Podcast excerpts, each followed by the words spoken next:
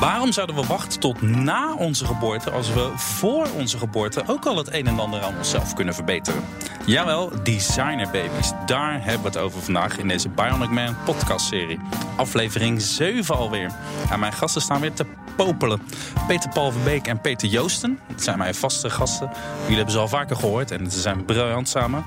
Uh, Peter Paul Verbeek, je bent uh, hoogleraar filosofie van mens en techniek aan de Universiteit Twente. Directeur van het Design Lab, ook daar. Um, toen wij begonnen met deze serie ging ik natuurlijk nadenken over welke onderwerpen we moesten behandelen. Designerbabies vind ik heel interessant. Um, ik weet niet of dat heel erg te maken heeft met de Bionic Man. Ik heb er uiteindelijk voor gekozen om het wel te doen. Want in een periode, in een tijd waarin we straks allemaal bionischer worden en al die dingen gaan toevoegen aan ons lijf. Uh, zijn we waarschijnlijk ook aan het nadenken over uh, uh, de nieuwe mensen die we op deze wereld zetten.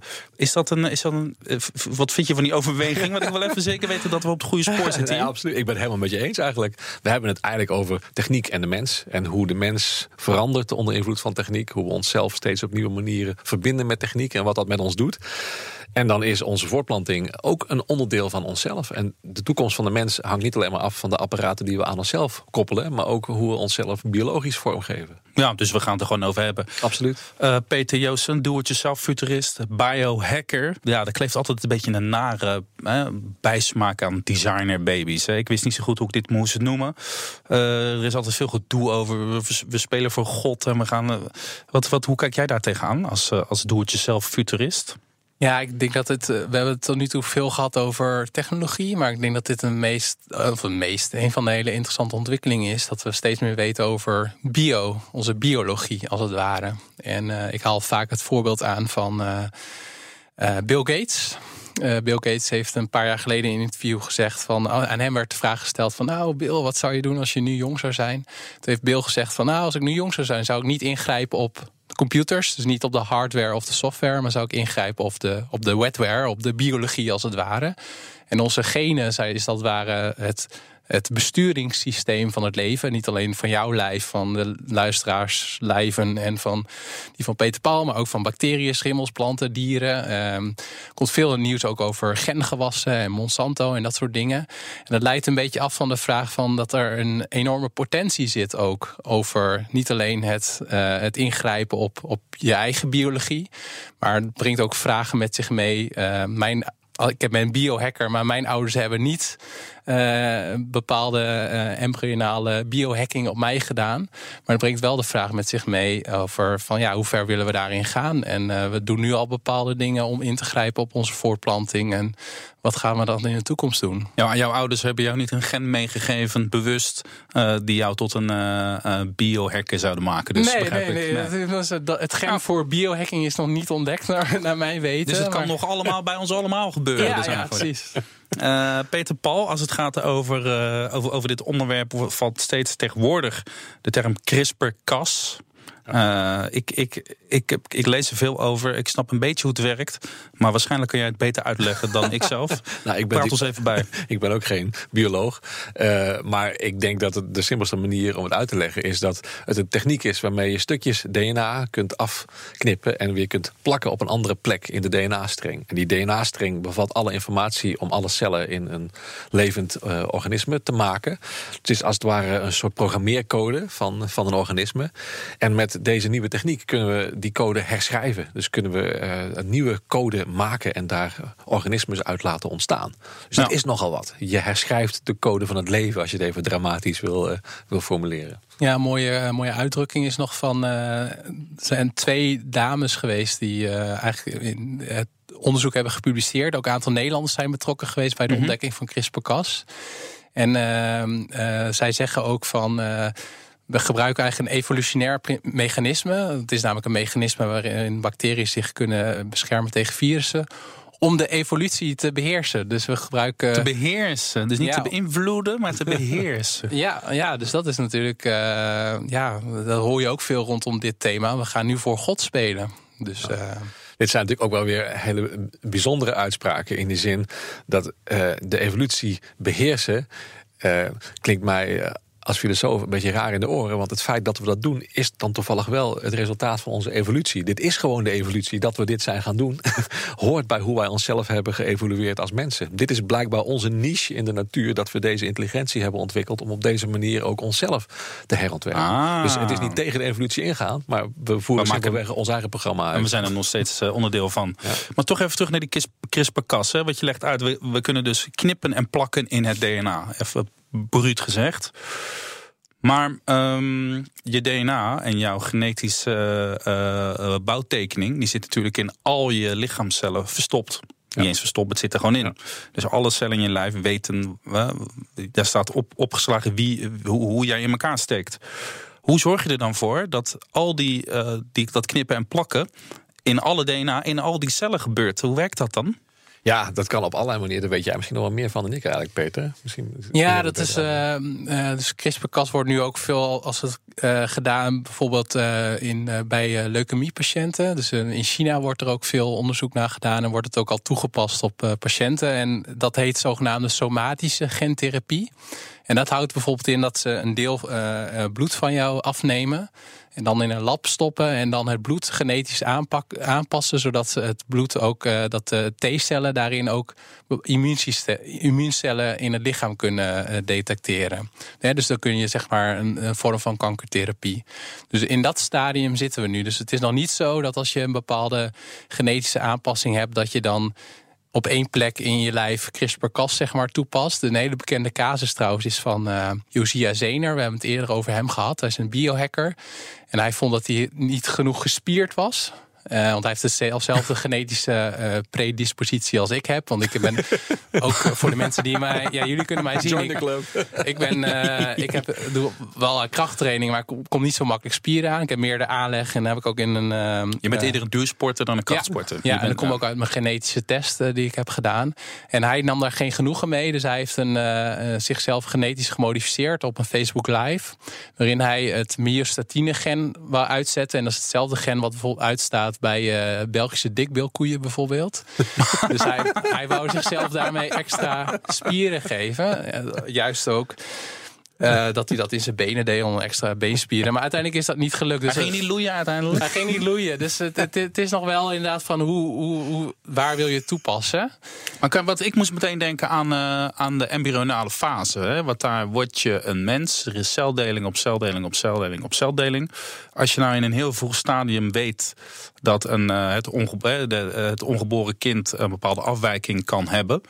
Kun je dan op dat moment eh, ingrijpen met deze CRISPR-Cas dat de nieuwe cellen meedelen, zodat je dus uiteindelijk eh, bij de geboorte van het kind een, een, een mens hebt waarbij het dus overal is aangewerkt. Werkt het zo? Dat is de hoop die dat mensen nu hoop. hebben. Dat is de hoop die mensen nu hebben. Dat je dus al in een heel vroeg stadium niet alleen maar kunt vaststellen dat een kind een bepaalde genetische afwijking heeft, waardoor het misschien aan een bepaalde ziekte zal gaan leiden, maar dat je die ook al kunt verhelpen door het erfelijk materiaal zelf te veranderen.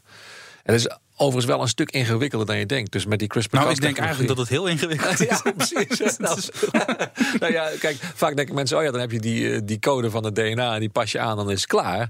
Maar die eh, erfelijke informatie, die moet ook nog eens een keer aan of uitstaan. Hè. Er is Ja. over dat erfelijk materiaal nog een laag die bepaalt wat wel en wat niet effectief is. Dus het is waanzinnig complex. Het is niet zo dat je eventjes een soort Lego-bouwwerkje maakt en dan is het klaar.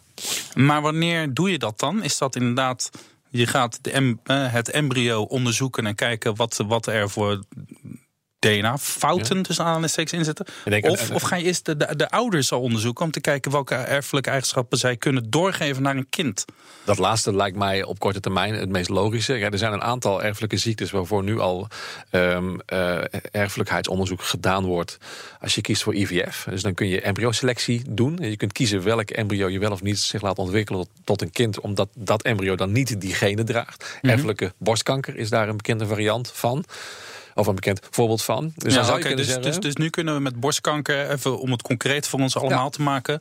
eh, als, je, als je als vrouw weet dat komt in mijn familie veel voor, Precies. dan kun je dat met je partner onderzoeken. Ja. Eh, en dan kun je dat uitschakelen bij jouw kind. Nou, dan ga je dus voor, voor IVF, dan maak je een aantal embryo's en je onderzoekt bij die embryo's of ze wel of niet die genen dragen. En nu kies je er nou voor om alleen maar die, die embryo's terug te plaatsen die die genen niet dragen. Maar in de toekomst zou je er misschien voor kunnen zorgen dat die genen weggewerkt worden. Dat die worden vervangen door de juiste code als het ware, waardoor je niet die erfelijke aanleg voor borstkanker hebt. Nou, dus dan selecteer je zeg maar een grote kans op borstkanker, haal je eruit. Ja. Niet eens een zekerheid op borstkanker. Ja, maar als je diegene draagt, is de kans dat je borstkanker krijgt, ook als man overigens, eh, heel erg groot. Echt, eh, je kunt er eigenlijk wel van uitgaan als je maar oud genoeg wordt, en hoef je niet eens zo heel oud voor te worden, dat je eh, kanker zult krijgen. Wat voor aandoeningen zijn er nog meer waar we wat aan zouden kunnen doen? Uh, erfelijke hartfalen, ja, dus, uh, depressie. Kijk, er is niet zoiets als een uh, perfect genoom. Dus je hebt altijd bepaalde genen die ergens voor coderen voor, een, voor iets positiefs en voor iets negatiefs.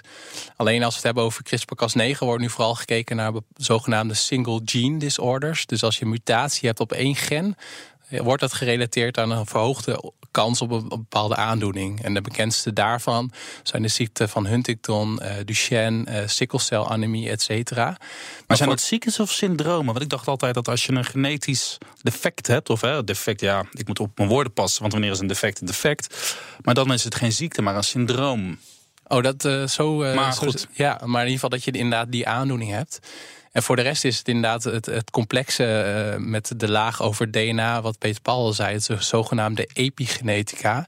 Dat, je, dat de genen komen ook tot expressie in samenhang met andere genen, met de omgeving. Dan heb je hele nature-nurture. Dus we weten eigenlijk van een heleboel aandoeningen ook nog niet in welke mate het nou genetisch is. En misschien is dat in, bij sommige mensen juist meer genetisch en zit bij anderen meer in de omgeving. Alleen, ja, het meeste wordt wel verwacht van die zogenaamde uh, single gene disorders. En wanneer kan je dat dan toepassen? Want je zal dan van alle mensen die een kind willen krijgen of die zwanger zijn geworden, je zou bij iedereen genetisch onderzoek moeten gaan doen. Wil je de, de probleemgevallen eruit vissen? Ja, dus, dus inderdaad exact de vragen waar je voor komt te staan als samenleving. Wil je inderdaad uh, een totaalplaatje hebben en een soort blauwdruk maken daarmee eigenlijk van uh, de ideale mens? Of in, in ieder geval een staalkaart van alle ziektes waarvan je wil dat mensen die niet hebben. En dan kom je weer op de vraag, is alles wel een ziekte? er zijn natuurlijk een hele hoop grijze gebieden. Er zijn mensen met Down-syndroom die een heel zinvol en gelukkig leven leiden natuurlijk. Er zijn ook heel veel mensen die helemaal niet zouden willen... dat hun kind met Down niet geboren was. Dus dan kom je meteen op een heel lastig ethisch terrein. Namelijk waar leg je de norm van wat een defect is en wat normaal is. In Denemarken worden geen Downers meer geboren, geloof ik. Hè? Of misschien 20 per jaar? Steeds minder, heb ik inderdaad ook begrepen. Interessant. Uh, ik, er, er, is in Nederland ook weer een hele beweging van mensen... die juist doelbewust ervoor kiezen om een kind met Down wel te laten komen. Dus het is, het is niet vanzelfsprekend, denk ik, dat het kunnen testen op Down... ook ertoe leidt dat mensen dat kind niet willen. Maar natuurlijk kun je ook goed voorstellen dat mensen ervan schrikken... en ook misschien uit compassie met hun toekomstige kind... dat ze nog niet kennen, denken... nou, misschien is het maar beter om dat kind dat leven te besparen.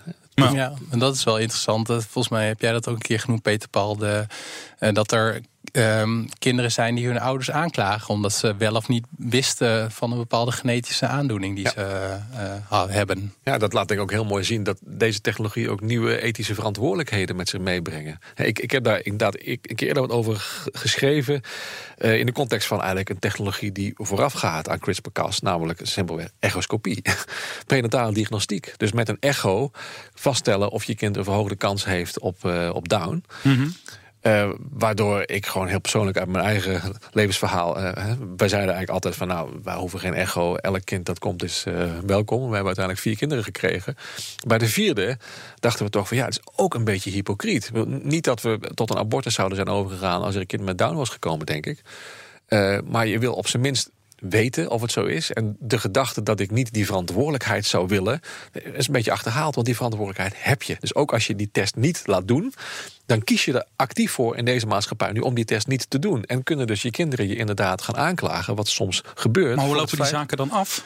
Ja, uh, ik, heb, ik, ik, heb die feiten eerlijk gezegd niet op orde. Nee. Ik, ik, het enige wat mij ervan bijstaat is dat ze vaak heel triest zijn. Mensen die met een zodanige lichamelijke afwijking geboren worden... dat ze veel pijn hebben, ondraaglijk lijden, eigenlijk willen sterven... maar niet toegestaan zijn om uh, een einde aan hun leven te maken... en ook geen hulp daarvoor mogen mm -hmm. krijgen van anderen... en die geen andere uitweg meer zien dan maar een rechtszaak te beginnen... tegen de artsen en tegen de ouders die gefaald hebben... om hun ziekte in, in, in een vroeg stadium vast te stellen. Dus het is, uh, ja, het laat ook zien, denk ik, dat ook hier weer de technologie die ons op een heel stoere manier lijkt te kunnen verbeteren, ook uh, iets doet met bepaalde kwetsbaarheden in onszelf. En dat die kwetsbaarheden ook blijven bestaan en weer in een nieuwe gedaante uh, boven komen drijven. Ja, Peter Joost, wat, wat, wat denk jij hier dan van? Wat, wat, ik, vind het een, uh, ik vind het een moeilijke, moet ik eerlijk zeggen. Ja, ik vind het ook een moeilijke. Dus, we kunnen het enerzijds kunnen we natuurlijk inzetten voor hele mooie, mooie doeleinden. Ik bedoel, het is toch mooi dat je uh, bepaalde erfelijke ziektes de wereld uit kan helpen. Uh, als we het hebben gehad over het aanpassen van embryo's, dan kunnen we niet alleen kijken naar mensen, maar ook uh, er wordt bijvoorbeeld ook gesproken over, dat heet dan gene drive.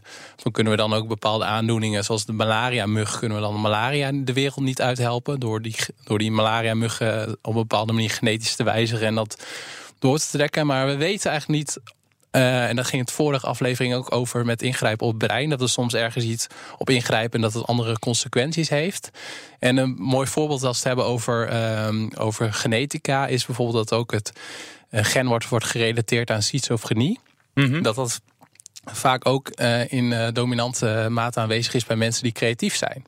Dus stel je voor dat het ah. een individuele keuze is, of een maatschappelijke keuze of whatever. Dat we besluiten van hé, hey, we vinden dat een vervelende aandoening en we gaan het daarop op selecteren. Of we gaan niet alleen selecteren, of we gaan erop wijzigen met CRISPR-Cas. Zal het dan ook betekenen voor een vervlakking van de maatschappij bijvoorbeeld? Dus. Uh, ja, er zitten best wel veel uh, haken ah, dus aan. als je dan zegt van uh, we gaan uh, schizofrenie gewoon eruit selecteren, dan kies je er dus ook voor dat je leuke dingen eruit filtert. Ja, dat zou dus ook, uh, ook kunnen. Zoals ik al zei, het perfecte DNA bestaat niet. En we weten eigenlijk ook nog niet zoveel over de samenhang en de invloed van DNA ook in, in relatie tot, tot de omgeving. Um, maar je ziet wel een, eigenlijk ook een, een, terugkerend thema. Dat er in ieder geval, zeker in de gezondheidszorg, worden nu al op embryo's proeven gedaan. Maar ook al bij mensen. Dus om bepaalde, wat ik voorbeeld wat ik gaf van die, van die T-cellen aan te passen. Mm -hmm. Uh, maar de vraag is van ja, willen we dan op een gegeven moment ook al op andere manieren ingrijpen op het kind. Zoals er ook in Cyprus is volgens mij een kliniek waar je ook al een bepaalde. En uh, volgens mij wordt de Universiteit van Twente wordt er ook een techniek gedaan dat je ook al uh, het geslacht van je kinderen kan bepalen.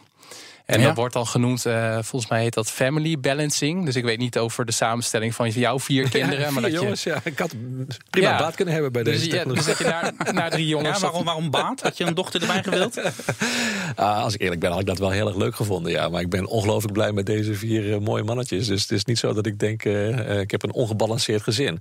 Maar je kunt je wel voorstellen dat er in de toekomst een situatie ontstaat... als je echt het geslacht van je kinderen kunt kiezen. In Twente is het nu een techniek om sperma te scheiden... in X en Y waarbij X tot een meisje leidt, Y tot een jongetje. En dan kun je dus ervoor kiezen of je een jongetje of een meisje wil. Nou, maar in welke situatie zou je dan per se een jongetje of een meisje willen hebben? Nou, Oftewel, waarom zou je deze technologie ontwikkelen? Als, als het een keuze wordt, dan wordt het dus ook een keuze om vier jongens te krijgen. En kunnen dus op een gegeven moment mensen misschien zeggen: Goh, eh, heb je hekel aan vrouwen of zo? Of vind je het beter dat jongens met jongens opgroeien? Waarom wou je geen meisje? Mm -hmm. Dus op het moment dat iets uh, van het domein van het lot, wat je nou eenmaal treft, hè, zoals nu met hè, je, je weet niet of je jongetje of een meisje krijgt. Als het opschuift naar je eigen verantwoordelijkheid, dan moet je er opeens ook redenen voor hebben. En krijg je een heel ander kader waarmee je gaat nadenken over de samenstelling van een gezin. Maar dan wordt dan waarschijnlijk keurig een jongetje en een meisje. Ja? Stel nou dat deze technologie er gewoon zou zijn. En je zou een keuze hebben gehad bij de vierde. Zou, je dan, uh, zou jij dan dit in willen zetten om, een, uh, om daar een meisje van te maken?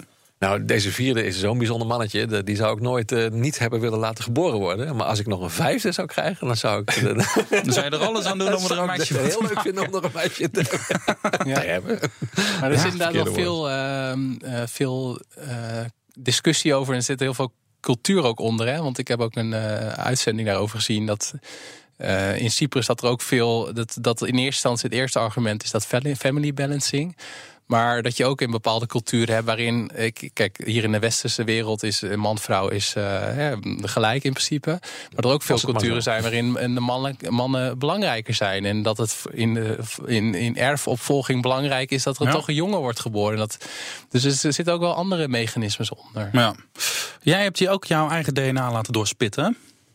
Ja, klopt ja. Het is waarschijnlijk een hele persoonlijke vraag, maar kwam daar nog iets bijzonders uit? Nou, um, uh, laat ik zeggen, met een aantal uh, qua gezondheidsdingen uh, kwam er in ieder geval uit dat ik een verhoogde kans heb op ontwikkelen van bepaalde hart- en vaataandoeningen. Wat ook niet zo gek is, want ik, mijn opa is bijvoorbeeld overleden aan een hartaanval en mijn Uh, dus je krijgt ook de helft van je DNA van je vader en je moeder, zeg maar. En dat wordt zo doorgegeven. En ik heb ook een verhoogde ontwikkeling, uh, kans op het ontwikkelen van de ziekte van Alzheimer. Mm -hmm. Aan de andere kant heb ik waarschijnlijk een beter geheugen dan gemiddeld. En ben ik lactose tolerant. En er zijn ook wel eens wat dingen in die uh, wat zeggen over mijn sport. Dus je hebt ook allemaal bedrijven trouwens, even een uitstapje te maken. Die, je kan dus trainingen krijgen op basis van je DNA leiderschapsontwikkeling op basis ja. van DNA, dieet op basis van DNA. Maar het meest grappige vind ik, en dat haal ik ook wel vaak aan bij lezingen en presentaties, is dat, uh, dat er ook worden onderzoeken gedaan naar persoonlijkheid en DNA.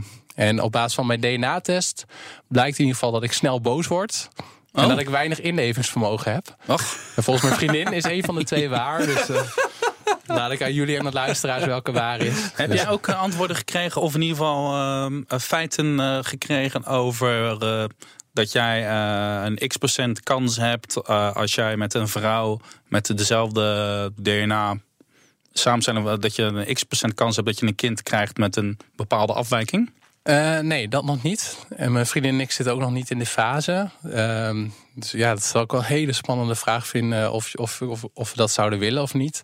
Uh, maar ik weet wel van een Amerikaans bedrijf die dat, uh, die dat inderdaad al aanbiedt. En die zegt van dat wordt gewoon een standaardtest. En als je nu gewoon de, de, de zwangerschap, zwangerschap kan testen, mm -hmm. is de volgende stap eigenlijk dat je dat, dat je dat soort dingen ook kan testen. En misschien nog een stap verder, maar zo heel futuristisch, dat je dan ook al een soort van selectie krijgt op basis van, um, hè, van hoe wil je, met wie wil je je En nu doen we dat natuurlijk op een hele rudimentaire schaal, via allerlei uh, ja, subprocessen. Want je ziet mm -hmm. een, iemand van het, laat ik zeggen, van het andere geslacht. En dan kijk je naar het uiterlijk en andere kenmerken neem je misschien in je primitieve achterhoofd mee om te bepalen of je daar ja, jezelf wel mee uh, voortplanten en mm -hmm. repliceren. Maar misschien hebben we straks ja, die genen van jezelf en van de ander om daar nog een beter besluit op te maken. En als je dat niet bevalt, dan pas je gewoon CRISPR-Cas toe. En dan is heel kort door de bocht gezet. Ja, dat is wel. Nou ja, Peter Paul, jij, jij bent onze filosoof, dus misschien kan jij me nu even een beetje helpen. Um, kun jij je voorstellen, kijk, we voelen volgens mij allemaal wel een beetje intuïtief aan dat je uh, voordat je uh, als stel een kind wilt gaan maken, dat je nu eigenlijk niet je DNA allebei laat doorspitten om te kijken. Dat doen, dat, dat we eigenlijk nog niet zo. Maar wat je wel ziet, is de laatste vijf of tien jaar, dat die DNA-tests steeds meer toegankelijk worden. Wordt het steeds goedkoper. Je kan een druppeltje bloed volgens mij makkelijk opsturen naar een of andere kliniek ergens. Die spitten dat dan door. Kan je je voorstellen dat er een periode komt dat je voordat je je zwangerschapstest doet, dat je gewoon met je partner eens eventjes gaat kijken uh, hoe ziet de, onze toekomstige kind er een beetje uit? Of wat zijn de risico's? Ja. ja, ik kan me dat voorstellen. Ik denk dat dat er op den duur van gaat komen. Maar ik denk dat dat pas gaat gebeuren op het moment dat we het zelf ervaren als uh, verantwoordelijkheid nemen voor je kind. Mm -hmm. Ik denk niet dat het uh, heel snel gemeengoed gaat worden dat we denken, nou we gaan eens even een kind designen. En dat is wat het nee, woord maar designer de eerste, eerste stap, willen we het weten wat. Stel nou dat je met je vrouw een, een kind wil maken. En dan komt gewoon een x percentage uit, of een groot percentage. Uh, dat door de, de, mix, de mix van jullie DNA, dat daar een, ja. uh, een verhoogde kans is ja. op een, een bepaalde ziekte. Kijk, zoals ik nu in het leven sta en de maatschappij eruit ziet, kan ik me dat nu nog niet voorstellen. Nee. Maar zoals je ook hebt gezien dat met echoscopie de normen ten aanzien van Down-syndroom enorm zijn opgeschoven. En dat mensen ook uit verantwoordelijkheidsgevoel naar hun kind soms ervoor kiezen om dat kind er maar niet te laten komen. Zo kan ik me ook voorstellen dat die normen opschuiven. Maar het allerbelangrijkste is volgens mij dat we die autonomie van, van het kind, dat we, dat, dat, dat we die centraal blijven stellen. En dat is volgens mij ook de, de grote discussie eigenlijk in de ethiek rondom designerbabies. Je maakt keuzes voor een wezen dat zelf niet mee kan denken over die keuze. Die kan geen ja, zeg maar, toestemming geven voor de ingreep in haar of zijn erfelijk materiaal. En op het moment dat dat zo is, mag je het eigenlijk alleen maar doen als je er echt wel van uit kunt gaan dat elk redelijk denkend mens in deze cultuur deze keuze ook zou willen maken. Nou, daar zijn we nog lang niet. Dat we met z'n allen denken, nou, een beetje intelligentie van dat, die kleur ogen, dat, dat is helemaal niet aan de orde. En ik denk ook niet dat we overigens met dat soort uiterlijke kenmerken er snel zullen komen. Nee. Maar het voorkomen van bepaalde hele ernstige ziektes, kan ik me goed voorstellen. Terwijl tegelijkertijd je ook niet weet welke kant het oprolt. Ten aanzien van Down zijn er ook een hoop mensen die echt ervoor kiezen om het kind te laten komen. ik ken ook een aantal mensen met een kind met Down. En ik denk dat geen van die mensen zou, nu zou zeggen, nou, die had beter niet geboren kunnen worden. Ja. Dat is wat je dan namelijk zegt. Dat is ook heel dat naar. is heel akelig, ja. Ah, dus jij kan je wel voorstellen dat we straks in de toekomst allemaal uh, een, een, een, vragenformuliertje invullen. Uh, wil jij weten als en dan een hele lijst het zou prachtig zijn als daar een vragenformulier voor kwam. Kijk, bij echoscopie is het hele punt volgens mij dat, het, dat er niet eens een vragenformulier is. Er wordt gewoon standaard na twintig weken een echo ingepland. En het hele lijf van de foetus wordt gescand. En je krijgt te horen wat voor mogelijke eh, kansen op ziektes uh, er zijn. Of ziektes die al worden vastgesteld. Ik denk dat mensen dan ook veel meer geholpen eh, moeten worden eigenlijk. Om te bedenken van tevoren al wat ze willen weten en wat ze niet willen weten. En wat voor keuzes ze zouden maken als er iets uitkomt. En dat vind ik echt een heel groot tekort in de manier waarop we nu al omgaan met echoscopieën, met hè, dit soort prenatale screening. Dus we zijn voor mij nog lang niet klaar om op een verantwoorde manier met erfelijkheidstesten om te gaan. Nee, wat, maar wat zou dan wel een, verant ja, een verantwoorde manier zijn? Mensen in staat stellen om echt een keuze te maken. Niet gewoon automatisch meegezogen worden in die 20 weken echo die wordt gepland. En wat iedereen wil toch weten of. Hè, maar uh, nou ja, een van de dingen die al een paar keer in de media naar voren uh, zijn gekomen, is dat steeds minder kinderen met een hazellip geboren worden sinds die test. Dat kun je je ook wel voorstellen, want het ziet er heel akelig uit na 20 weken.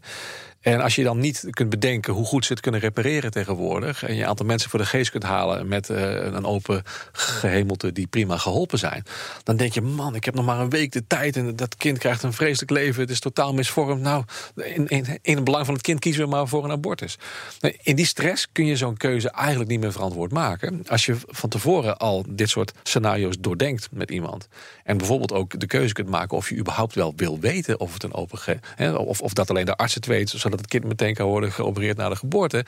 Dan, dan heb je volgens mij een veel uh, gebalanceerder verhaal. En stel je mensen echt substantieel in staat om een keuze te maken. Maar is het in de praktijk zal het niet gewoon zo zijn dat als je de keuze wilt maken om het te weten, dat je uiteindelijk uh, dan ook in gaat grijpen?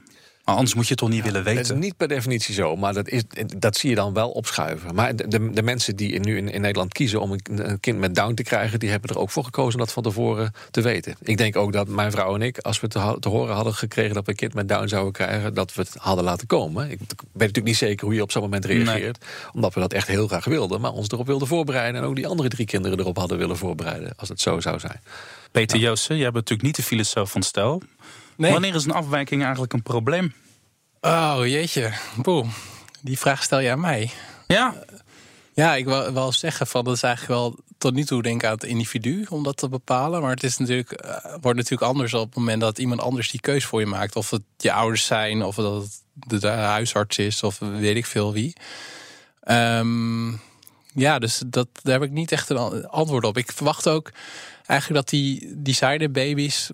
Een derde vraag is: willen we, hoe ver willen we daarin gaan? En krijg je op het moment dat je niet alleen die keuze hebt om die analyse te doen van je genen vooraf en dan ook embryo-selectie, maar willen we dan ook gaan ingrijpen op die embryo. Inderdaad, van zoveel um, uh, intelligentie erbij. Of intelligentie is sowieso heel moeilijk om dat genetisch aan te wijzen hoor. Maar stel voor dat we dat zouden kunnen. Van, zijn er dan mensen die op die manier hun een soort van ubermens willen, genetisch willen creëren.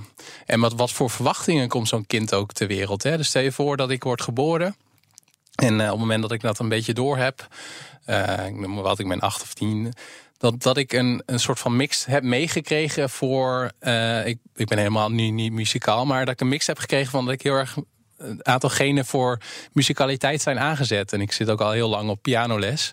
Om even dat, uh, dat, mm. dat lijntje van de vorige afleveringen vol te houden. een nieuwe ontdekking vandaag. Maar wat, wat betekent dat dan inderdaad voor, van, oh, voor de verwachtingen die ik dan heb? En waar, waarmee ben ik dan de wereld ingestuurd? Dus ik vind dat al hele fascinerende ontwikkelingen. Ja, maar dan heb je het echt over we willen kinderen bepaalde capaciteiten meegeven. Um, maar waar, we, waar, waar, het, volgens mij begint, is gaan we ziektes en uh, syndromen uitbannen. Volgens mij is redelijk geaccepteerd dat je een keuze hebt als je een, een kindje krijgt met het syndroom van Down. Volgens mij is, is de consensus over het algemeen dat je in ieder geval de keus moet kunnen hebben: willen we het laten komen of niet? Dat vinden we normaal, die keus. Het is wettelijk ook toegestaan. Om is ook wettelijk toegestaan. Volgens mij zijn we het erover eens hier dat als je een vergrote kans hebt om kanker te krijgen, dat we dat ook wel oké vinden. Embryo-selectie voor erfelijke borstkanker is ook wettelijk toegestaan. Na een heel lang debat, maar ja. is toegestaan. Ja. Grote kans op depressie, zouden we dat acceptabel vinden? Ik denk het niet. Autisme? Ik denk het ook niet. het zijn allemaal zaken die je ook uh, kunt behandelen. Waar je mee kunt leren leven. En geen zaken om uh, op grond daarvan te constateren dat iemand het leven eigenlijk niet, uh, niet waard is. Ja, of dat je inderdaad, uh, dat we daar wel de grens stellen bijvoorbeeld. En dat je op het moment dat je, zoals nu 18 bent en dat je dan je rijbewijs mag halen, dat we in de toekomst dat je dan, op het moment dat je 18 bent, dat je dan de wilsbeschikking krijgt om een andere um, leeftijd, dat maakt mij niet uit. Maar om dan door middel van somatische gentherapie, waar we het over hebben gehad, of misschien hebben ze allemaal andere methoden waar nu ook wel veel van wordt verwacht, zoals epigenetisch programmeren. Dus van oké, okay, je hebt die bepaalde genen gekregen, maar je hebt nu de leeftijd om bijvoorbeeld daar wel op in te grijpen. Of dat kan door middel van die gen, uh, genetische aanpassing. Maar, maar sorry, begrijp ik je goed dat, je, dat, er, dat er misschien een, een, een moment komt dat je ook op latere leeftijd je genen kan gaan aanpassen? Ja, ja, en dat is, daar, dat is nu nog een hele prematuur stadium. Maar dat is eigenlijk wel waar Peter Paul het ook over had, over epigenetica. Dus je kan mm -hmm. wel bepaalde genen hebben, maar het heeft nogal, de vraag is van of ze aanstaan of niet. En wat de mate van expressie is dat ze aanstaan of niet. En dat wordt dan epigenetisch programmeren genoemd. Dus het zou best wel kunnen dat je een bepaalde genenset hebt. Maar de vraag is of je dan een bepaalde aandoening krijgt of een bepaalde. Dat, dat, dat, dat weten we nog niet. Dus het kan zijn dat je in de toekomst dat je dat dan zelf dan nog mag besluiten. Zou je dan uh, de genetische afwijking van iemand met het syndroom van Down kunnen terugdraaien, zodat hij geen Down meer heeft? Ja, dat, dat, dat is heel erg speculatief hoor. Maar dat verwacht ik niet, omdat je dan al bepaalde biologische processen in staat zijn, uh, in, zijn gestart en ontwikkeld. Maar ja, ik weet misschien dat je wel bepaalde effecten nog wel kan terugschuiven. Ja. Maar dat, uh, dat is dan, zoals ik zei, heel erg speculatief. Weet je? Ja, ik ben geen dokter, dus ik heb geen idee. Nee, maar je bent een filosoof, jij. Dus. maar ik denk inderdaad. Uh, dat, bedoel, dit, dit is natuurlijk heel erg speculatief. Uh, en uh, op het moment dat iemands lijf zich al helemaal heeft ontwikkeld, je kunt natuurlijk niet uh, dat helemaal terugdraaien en ongedaan maken, als het ware. Dus dat zijn misschien wat al te over, overtrokken fantasieën. Maar dat we wel het functioneren van de cellen die we hebben met erfelijk materiaal kunnen beïnvloeden, dat lijkt me zeker. Dus daarmee nou ja, zou je de effecten van bepaalde syndromen wel degelijk ja, en dat is ook wel een visie die meer opgaat als je het hebt over de toekomst van de gezondheidszorg. Uh, dat we steeds meer naar een soort van preventiemodel gaan. Dus een Netflix-model als het ware. Dat je elke maand naar je plaatselijke kliniek gaat. En dat er dan een bepaalde vorm van gentherapie wordt gedaan om jezelf om langer te leven of om uh, jezelf gezond te houden. En dat zou dan op een somatische gentherapie zijn. Dus dat er inderdaad dan bewust even wordt gekeken en wordt, wordt ingegrepen. Maar goed, dat, uh, dat is nog echt toekomstmuziek. Peter Paltz, het laatste woord is aan jou. Peter heeft vorige week onze luisteraars een, een huiswerkopdracht meegegeven. Om ergens over na te denken. Heb jij een, een leuke vraag over dit thema? Want ik vind het zelf heel. Ik vind het een beetje. Ik, ik vind het moeilijk en eng ook. Eng, ja. dit, dit, keer voor het eerst in deze ja. serie. Ja. Heb jij nog een leuke vraag waarvan je denkt van... goh jongens, ik heb dit nu geluisterd een half uur lang. Er zijn best wel heftige dingen ter tafel gekomen. nou, ik zat me net te bedenken uh, dat we eigenlijk over één onderwerp helemaal niet gehad hebben. En dat is dan misschien waar mensen over na kunnen denken. Dat is toch dat thema van die ubermensch. Uh, dus als je het hebt over de designerbaby, roept dat de vraag op... Ja, is er dan een soort ideaalbeeld van de mens dat we willen ontwerpen? En dat begrip ubermensch, ik noem het maar ook expres erbij. Dat laat natuurlijk veel mensen de rillingen over de rug lopen. Hè. Je associeert het met maar als je de vraag zo stelt aan de mensen, dan heb je volgens mij het antwoord al meegegeven. nou, uh, moeten we niet willen, volgens mij, is wat je eigenlijk zegt, toch? Ja, nou ja en, en nee. Want ik denk aan de ene kant uh, zo'n zo'n blauwdruk van die ene beste mens waar we naartoe willen. Ik denk dat niemand dat wil. Tegelijkertijd zien we ook in dit gesprek al dat er toch een aantal aspecten van het mens zijn bestaan bestaat. uh, ja. Waar we wel naartoe onder, onderweg willen. En dat ook de grens opschuift tussen wat we maakbaar willen laten zijn en wat ons moet toevallen vanuit het, het lot. Ja.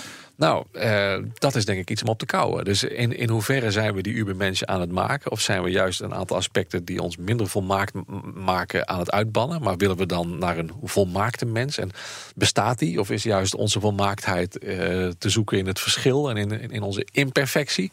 Uh, dit zijn zeg maar, de grote duizelingwekkende vragen waar je op stuit. Uh, zou je niet verwachten. Je bent bezig met biologie, met techniek. Maar uiteindelijk gaat het toch over de mens als existentieel kwetsbaar wezen.